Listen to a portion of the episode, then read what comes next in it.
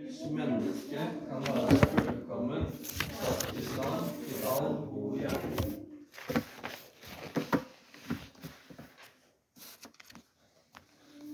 Profetier og tungetale blir evner som vi skal gå inn på i dag. Og Jeg nevnte en gang tidligere at eh, måten jeg kom til å tro på, kanskje overraskende for mange å høre det, men var jo faktisk gjennom en person som ville beskrevet seg sjøl som en profet. En ganske utrolig historie, og en, på grunn av at det var en utrolig mann, som den dag i dag har hatt en veldig positiv påvirkning på meg. Han er beklageligvis med Herren nå, men uh, en utrolig flott type. Så dette med profetier er tolka på ulike måter i dag. Eh, Jeg nevnte òg dette med John Hus, som var en, en tidligere reformator før Luther. Som fikk en profeti når han ble brent på bålet, at denne gåsen har dere nå tatt, men det kommer en svane som dere ikke vil komme og ta. Og Martin Luther så på seg sjøl som en oppfyllelse av denne profetien. Det er i hvert fall åpenbart for meg gjennom historien at Gud kan bruke og har brukt profetier gjennom historien. Det er noe helt annet å, å, å si at Gud kan gjøre disse tingene, som at det, det da er profeter, sånn som det er i Gamle og Nye testamentet. Det, det er to helt forskjellige ting. Eh, Så Det er noen positive eksempler med dette profetiet, men det er også noen negative eksempler. Jeg nevnte kompisen min der faren hans fikk en profeti. Han var garantert at han ikke kom til å dø av kreft. Det var flere stykker som profeterte over ham. Rett etterpå så dør han av kreft. Og jeg vet for kompisen min, da, han er en veldig sterk troende som, som lever for Herren og en veldig helliggjort person. Han, han ble påvirka av det og, og måtte tenke litt gjennom ting. Og det skada ikke troen hans, heldigvis. Men eh, det var altså en, en veldig vond opplevelse da, å, å få en sånn ting rett i fjeset. Det var nesten som at Gud sa noe som ikke var sant. Og åpenbart så var jo Dette var jo ikke åpenbart ikke av Gud, men takk på at det ikke var sant. da. Men eh, dette med profetier kan noen ganger være til oppbyggelse, mens andre ganger så, så kan det være ødeleggende hvis det blir gjort på feil måte. Det er et problem i dag at Kirka er splitta over disse tingene. Ulike forståelser av profetier, hva det er, hvordan det fungerer. Nå har jo jeg snakket en del om dette fra før. Dere vet vel i en stor grad forhåpentligvis da, hva min posisjon er på dette nå. Så jeg skal ikke gå inn på det akkurat i dag. Men det jeg vil gå inn på i dag, er hva er målet med alle ting, inkludert profetier og tunger. Hva kan vi lære av hverandre? Hva, hva, hva, mål, altså hva er endemålet med disse tingene? Jeg tror det er det Paulus vil prøve å svare på i denne teksten. Og Det er tre ting som jeg ser i, hvert fall i teksten. Det er flere enn tre, da, men, men det er tre ting da som jeg får tid til dekket. kanskje en bedre måte å si det på. Nummer én profetier og tunger må bygge opp kirka. Alle ting må bygge opp kirka, men inkludert profetier og tunger. Nummer to tunger må oversettes for å skape orden. Så Å bygge opp kirke og orden. Og nummer tre det vi gjør, må være repre representabelt til en ikke-troende. Og det kan jo faktisk være noen som, som ikke deler kanskje den samme teologien. Hvis en person har motsatt teologi av en sjøl, så har han et ansvar og, og, og, at alt en gjør, er med å gjøre deg sjøl forståelige og rasjonelle og mottakelige på en bibelsk måte. Alle disse tre tingene er med og viser oss at det Paulus vil fram til her, er at alt må gjøres med et endemål, at det må skje til en form for oppbyggelse. Nummer én profetier og tunger må bygge opp kirka, vers 1-5. I vers 1-5 ser vi at Paulus virker til å vektlegge profeti høyere enn tunger. Korinterne virker til å ha et høyere syn på tunger, merkelig nok. Årsaken til dette er kanskje at denne gaven kom først da, i Apostelskjernen kapittel 2. Det som er først, er ikke alltid det som er best. Noen ganger er det tilfellet, men ikke alltid. Dette med tunga da, betyr jo bokstavelig talt språk. Altså du får da et språk. Profetien, da, i motsetningen til tungen, da eh, i hvert fall måten altså, tungetallet blir praktisert på, er at profetien da kan bli forstått av alle. Men hvis jeg snakker et annet språk til dere, så, forstår dere ikke hva jeg sier. Hvis dere ikke da kan det språket. Hvis dere snakker et annet språk til meg, så forstår dere meg ikke. Så en profeti, da, uavhengig altså, den vil være forståelig for alle. da. Den vil være forståelig for alle, i motsetning til tungen. da. Så Det er en av de store forskjellene derfor. Og Derfor så er profetien tilgjengelig for alle, mens språket, eller tungen, blir ikke tilgjengelig for alle på samme måte. Profeti her vil jeg si er eh, altså et ord fra Gud. Og Vanligvis er det jo da en skriftopplesning. Det blir jo en form for en profeti. For Guds profetiske ord finner en i Skriften. Samtidig også, Gud kan jo minne oss på ting som vi skal si. Eh, Om det er kategorisert som en profeti eller ei, det, det, det får jeg nesten bare overlate til folk å, å vurdere sjøl, hvordan det skal kategoriseres. Men, men, det viktigste profetiske ordet som vi har fått, er jo i Skriften. Det er i Bibelen vi har det. Og Hver gang Bibelen blir lest opp, så er det et profetisk ord som er tilgjengelig og forståelig for alle rundt oss. Uansett da, så er målet her at en må bygge opp kirka. Så uansett hva du sier, hvordan du gjør det, du må være til oppbyggelse for individer så vel som kirka. Og det er et viktig spørsmål å spørre sjøl. Er det jeg gjør, til oppbyggelse? I Korinterbrevet er alltid dette her om at eh, jeg har lov til alt, men ikke alt gagner. Da tar jeg Paulus da, og, og siterer eh, kanskje et lokalt dikt eller, eller en lokalt ordspråk eller måte å si ting på, og setter opp en kontrast. da. Det at Gagner dette, og er det til oppbyggelse? En annen historie her med profeti er at uh, jeg, som, jeg, vet ikke om jeg kjenner det så veldig godt, men, men det var en ganske nylig faktisk som døde av kreft. Men hun fikk også veldig sterke profetier at hun skulle overleve kreften. og dette var garantert. Og Jeg rundt og sa dette vitnet alle om dette her, og var helt 100% overbevist om at hun kom til å overleve. Hun døde av kreft nylig. Det er jo et eksempel. Jeg sier ikke at det som eksempel gjør at folk ikke kan bli helbredet, for jeg tror folk kan bli helbredet. Men, men, i dette tilfellet da, så, så var ikke det til oppbyggelse. For, altså Åpenbart ikke for henne, men heller ikke for folk rundt henne. Det må være en veldig skadelig ting å, å få denne tingen her eh, rett inn i, i, kanskje familiesammenhenger, og, og, når hun har delt dette med andre. Så dette er jo noe som, som mer bryter ned troen til folk, ikke bygger den opp. At noe blir misbrukt, er derimot ikke et argument selvsagt, for at ting aldri kan skje, eller at det ikke kan brukes. Men allikevel er det Skriften som må vurdere og måle opp alle disse tingene. I 5. Mosebok kapittel 4-2 bl.a. og vi ser også i slutten på åpenbaringsboken, kapittel 22, at vi skal ikke legge noe til det som står i Skriften. Så Det er nok en mye bedre måte kanskje å forstå det på, at Gud kan minne oss på ting som kanskje er i tråd og forenlig med det som står i Skriften. Og Det er iallfall en, en, en mye mer forsiktigere måte å forholde oss til det på. At vi bruker Bibelen i alle disse tingene. Om Gud gjør mirakuløse ting i dag, så er det heller ikke, som jeg gikk inn på de tidligere talene, det er ikke identisk med apostlene. Altså, Min skygge vil ikke helbrede folk. Altså, Det er ingen eh, folk som kan helbrede folk på den måten som Peter og Paulus. Altså, De kan kommandere altså, nesten sykdommen til å gå ut av folk. Og, Den autoriteten iallfall etter min oppfatning, den har ikke folk i dag. Paulus fikk en god del mer åpenbaring og, og mer nådegaver enn en, en, muligens noen andre som har levd. Så Apostlene var apostler, direkte sendt ut av Jesus Kristus, og direkte øyenvitner til Jesus Kristus. Og midt oppi dette alt her, så, så må en bli ledet til det som står i Bibelen. Hvis noe leder en vekk fra Bibelen, så er det ikke av Gud. For Bibelen er Guds ord, og det er der vi finner livet. Det er et annet kriterium som vi kan bruke som en anvendelse her. Blir en leder nærmere Bibelen? Blir en mer glad i Bibelen? E-, eller blir Bibelen litt sånn kasta under teppet? Det er Bibelen som er den endelige autoriteten. Er det til oppbyggelse for kirka?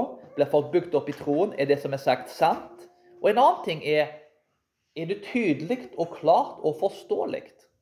En kan si masse ting med et godt hjertelag, med en god mening, men en kan altså ende opp med å bli forvirra. En kan, si, altså en kan vinne diskusjoner med folk, men jeg kan ende opp med å tape personen. Det er, er, mange ting som jeg kan si med et godt hjerte, som likevel ikke ender opp med å bygge opp folk. Det, målet med dette her var kanskje motivert av feil ting, og resultatet blir dårlig. Så Oppriktighet er ikke nødvendigvis en garanti for at ting vil gå bra. Så jeg må spørre seg sjøl er det til oppbyggelse, og kan disse kriteriene hjelpe oss til å forstå om det er tunger eller profetier, eller hva det er? Bygger det opp kirka? Og Det bringer oss til det andre punktet, som er fra 1. Korinterbrevet 14, 6-19. Tunger må oversettes for å skape orden. Dette med orden er en del av det Gud vil ha, og dermed er det viktig og sentralt. Paulus argumenterer for at tunger er unyttige uten at det som blir forstått, gir mening. Det må gi mening, og det må forstås. I vers 9 Slik er det også med dere hvis dere ikke fremfører tydelig tale med tungen? Hvordan kan en da skjønne det som blir sagt? Da snakker dere jo bare ut i været. Så mange slags språk er det nå visst i verden, og ingen av dem er uten mening. Språk er noe som er bygd opp og lagd for at folk skal forstå hverandre. Det skal ikke skape forvirring. Poenget til Paulus er at tunger skal skape orden. Ting må ikke gjøres på en uryddig rotete måte. Språk må tales tydelig. Og Bibelen en veldig rasjonell bok. Altså, alle som har studert jødedommen, altså spesielt jødedommen, er, er den mest rasjonelle religionen altså, kanskje i verden.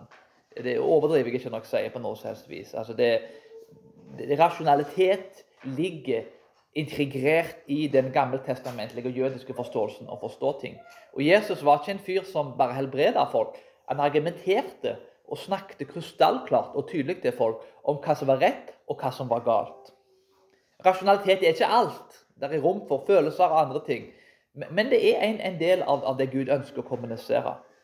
Guds vilje er orden. Og Dette vet vi fra første Mosebok kapittel 1. I begynnelsen skapte Gud himmelen og jorden. Og til og med ånden til Gud svevde over vannet. Og det Gud gjør her, han skaper orden ut av kaos. Han organiserer ting, setter ting opp og gjør det rasjonelt og forståelig.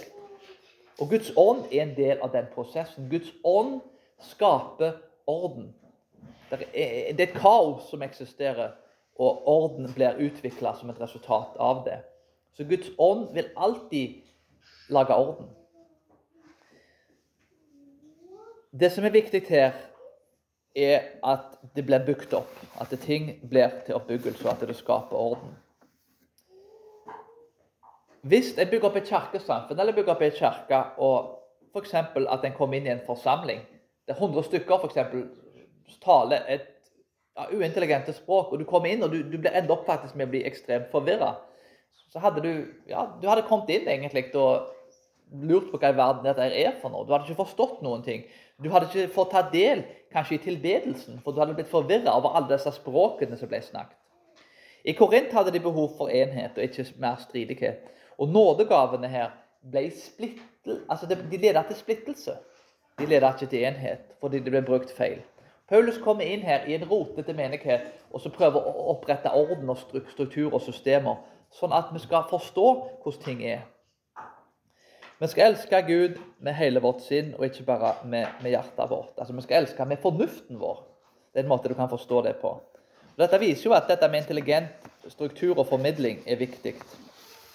Å snakke på et annet språk trenger ikke alltid nødvendigvis være forståelig. Men, men, men, det bør ha et mål om å bli det, hvis det kan bli oversatt og strukturert. Hvis noen snakker et språk som du ikke forstår, så hjelper det å ha en tolk som oversetter dette her.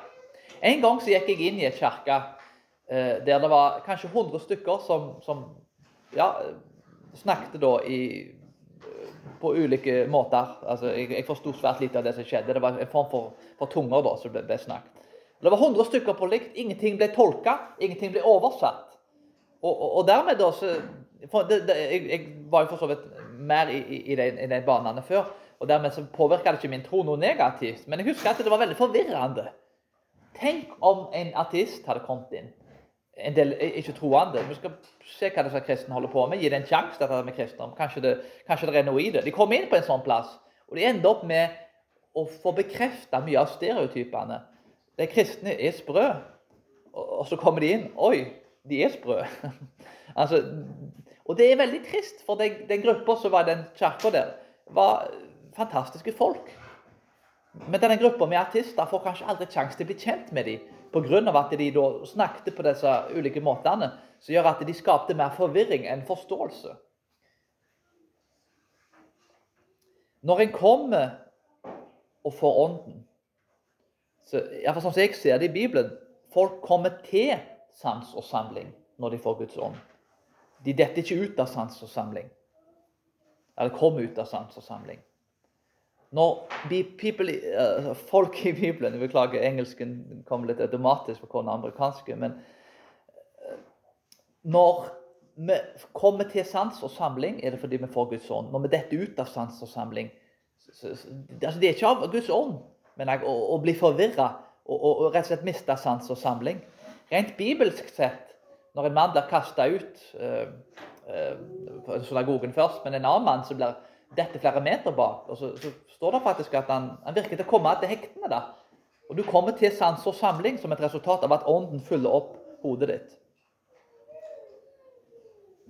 Når vi ser disse tingene bli praktisert feil, så er det ikke med å bygge opp kirka, men det er med å skade kirka. For et praktisk spørsmål, en praktisk anvendelse her, da, så kan vi spørre oss sjøl er det vi gjør, er det til oppbyggelse, men skaper det orden? Og Det betyr ikke at vi trenger å bli supersystematiske, at alt Noen tenkte kanskje det om presbyterianere, at det er for mye struktur og for mye orden. At det, eh, loven er medrepet, men, mens, mens, ånden er det som gjør levende. Og det er rom for ånd. Det er ikke det som er poenget her, at alt skal være systemer og orden. Det er jo én ting som er viktig. Så det må være ånd i ting.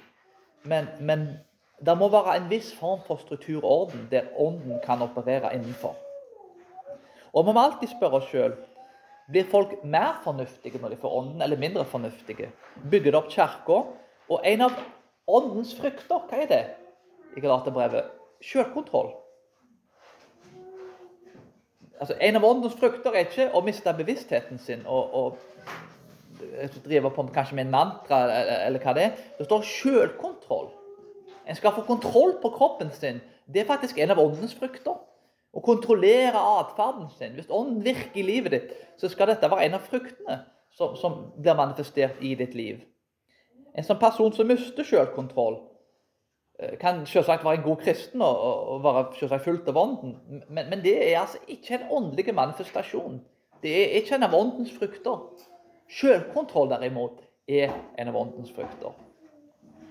Og Det bringer oss til det tredje punktet. Det vi gjør, må være representabelt til en, en ikke-troende. Og kanskje til og med noen som ikke tenker likt som oss teologisk. Det er jo ikke eh, noen som tenker identisk som en sjøl teologisk. Og det er jo ulike folk i denne menigheten her òg. Og jeg tror nok ikke alle tenker identisk om, om alle ting. Det vil være visse ulikheter.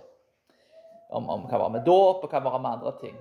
Men, men, uansett så har vi et ansvar med å være representable til de utenfor. Og hvis det, det første inntrykket når en kommer inn i Hamar reformerte kirke, at der folk står og brøler på ti språk, og du har ikke snøring på hva som blir sagt, men altså, så tror jeg at det, eh, kanskje vi har gjort en dårlig jobb da, uten at det blir tolka, oversatt og forklart til folk.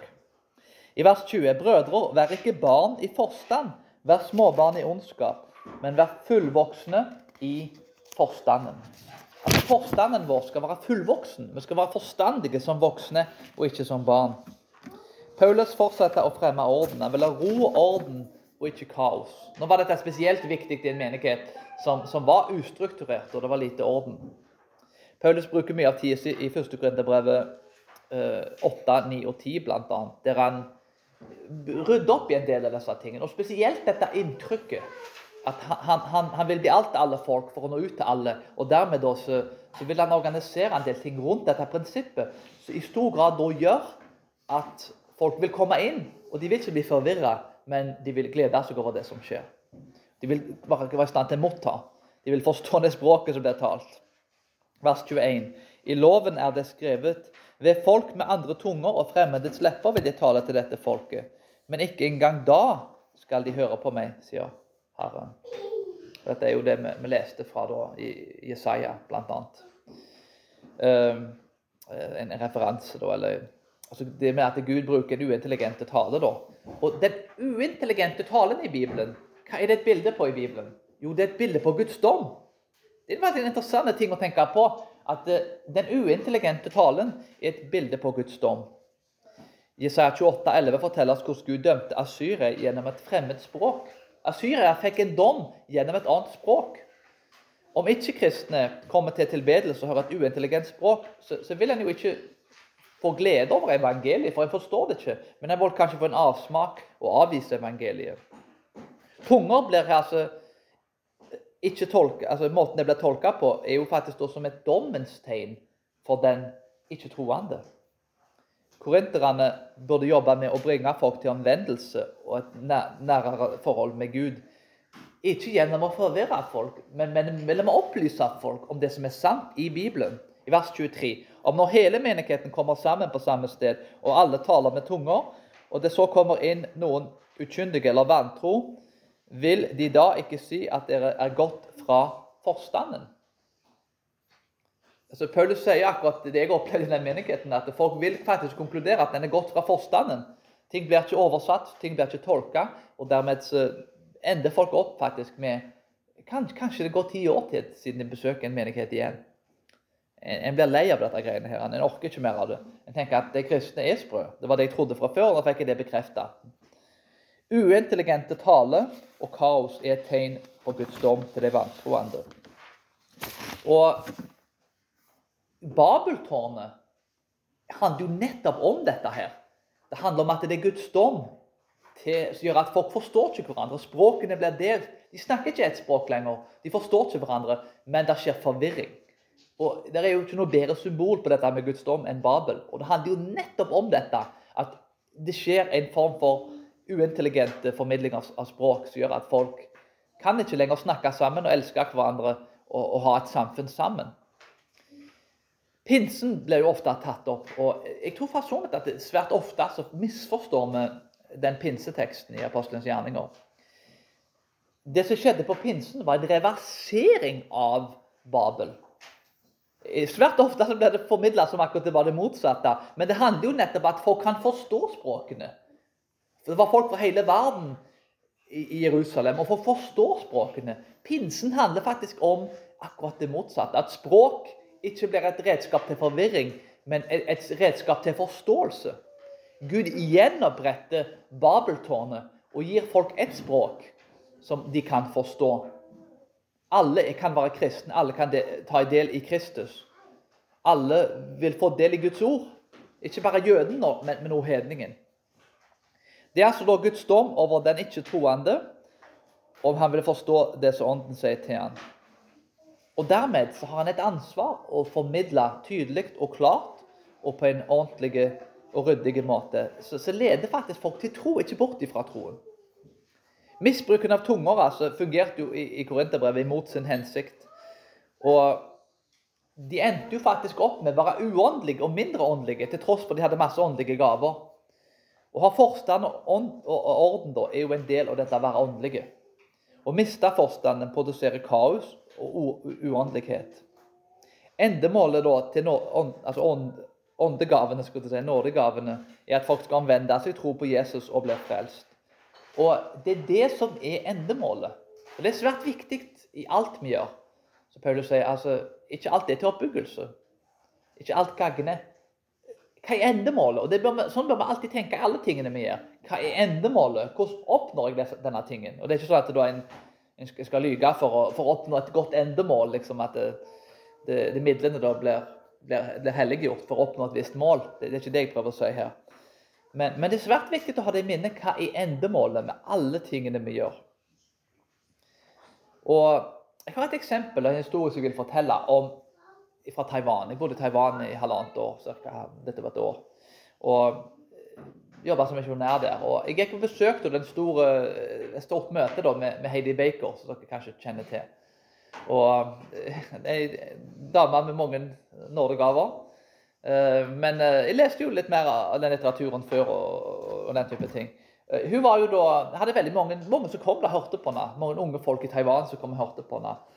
Og på det tidspunktet da, så, så, var jeg vel kanskje ja, Jeg likte mye av de tingene som hun produserte. Jeg har, har en litt annen forståelse av det kanskje nå. Men, men hun hadde veldig mange som hørte på henne. Hun fikk veldig mange lyttere. En utrolig mulighet til å nå ut med folk med evangeliet.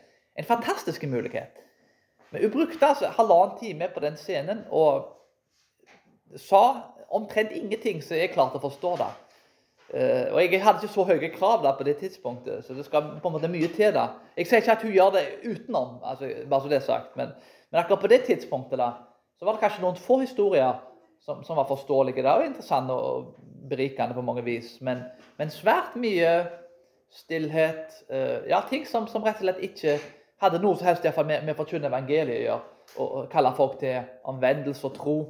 Og, og, og, at det er en, en, en evig dom da, hvis en ikke vil, velger å følge Jesus. Og Det er jo en utrolig mulighet, en forsamling der en kunne forkynt evangeliet. Og det det hun gjorde, var for meg i hvert fall til stor forvirring. Uh, veldig forvirrende, en del av tingene og sånn der. Og som ikke egentlig gir mening. Det var eh, og var igjen, Jeg hadde ikke veldig høye krav, men det var rett og slett forvirrende. Og det er veldig trist når en har en sånn mulighet, en sånn plattform, at en ikke bruker den anledningen. Og igjen, Jeg sier ikke at du ikke bruker andre anledninger til å gjøre det, men i det tilfellet spesifikt så, så Ja, det, det var ikke jeg, jeg tror ikke folk gikk ut ifra det og tenkte at eh, ja, dette var intelligent og forståelig. Og, og det virka mot sin hensikt. Og vi kan spørre oss sjøl om dette som en anvendelse. Er det vi gjør, representabelt til det ikke-troende? Og Det er jo alltid en, en dobbel utfordring her. for noen ganger så kan det, Nå har vi jo så mye kirkesamfunn, kanskje både i Hamar så vel som andre plasser. Så noen ganger så kan en bli forvirra av at et annet kirkesamfunn gjør ting på en annen måte. Så det er en sånn dobbel utfordring med de som er utenfor, altså en artist, og kanskje de som er utenfor sitt eget kirkesamfunn. Men vi må bli alt til alle folk. Og en måte å gjøre dette på er struktur, orden og system. Og utførelse av disse tingene er en viktig ting, der, for Gud er en fornuftig Gud. Igjen, En skal ikke overdrive her og bli skal si, som, en, som, en, som en stiv kar med, med slips her, sånn som jeg. Men kanskje jeg er for ekstrem den andre veien. Men uh, vi kan være balanserte. Men allikevel da, så skal vi gjøre ting på intelligente måter. Gud er en Gud som skaper orden ut av kaos. Det er en ting han gjør gjennom hele Bibelen. Han rydder opp i rotet til synderne, organiserer ting og setter ting i systemer. Og Endemålet her er det som er viktig. En skal bli ført til tro, ikke bort ifra troen. Og nå er det ikke sånn at uh, En kan jo ende opp med å si sanne ting, til og med på kjærlighetsfulle måter, og gjøre ting rett. Og folk kan jo bli fornærma uansett. Og det, Sånn er det bare. Det kan en ikke gjøre så mye med det. Men, men, men en kan tilrettelegge som en menighet for at ting da, i fall, Om ikke noe annet skal bli forstått, at en gjør seg selv tydelig i hvert fall, og forstått. Og En kan ikke velge å avvise det, men da avviser en noe som en har forstått ordentlig, og ikke noe som en har misforstått. Så en har et ansvar der å kommunisere ordentlig. For å oppsummere veldig kort, da. Profetier og tunger og egentlig alle andre ting må bygge opp kirka. Tunger må skape orden, og alle ting vi gjør i menigheten, må skape orden. Og nummer tre det vi gjør, må være representabelt og forståelig for de ikke-troende. Det er de sentrale tingene i hvert fall, som jeg har funnet i teksten. Men det er ingen orden og tunger og perfekte presentasjon som vil føre folk til tro. Samme hvor mye orden du har. Eh, og samme hvor, hvor, mye systemer en har. Så, så, så, det nytter ikke. For vi som mennesker gjør feil. Jeg begynte jo med feil sang i dag, så jeg var jo en, hadde en, en, en uordentlig måte jeg gjør det på. Så leder det til forvirring i forsamlingen. Så jeg er jo en, kanskje en hukler i dag at jeg ikke praktiserer det jeg, det jeg, det jeg sier. Det, men det viser jo nettopp at til og med med, med, med det systemet så gjorde jeg likevel en, en, en alvorlig feil i gudstjenesten. Jeg strekker ikke til. Og det gjør heller ingen andre. Det er ingen kirker som, som, ikke gjør feil, uavhengig av hva systemer og, og mye orden de har. Hykleri og feil levesett preger oss alle til en viss grad.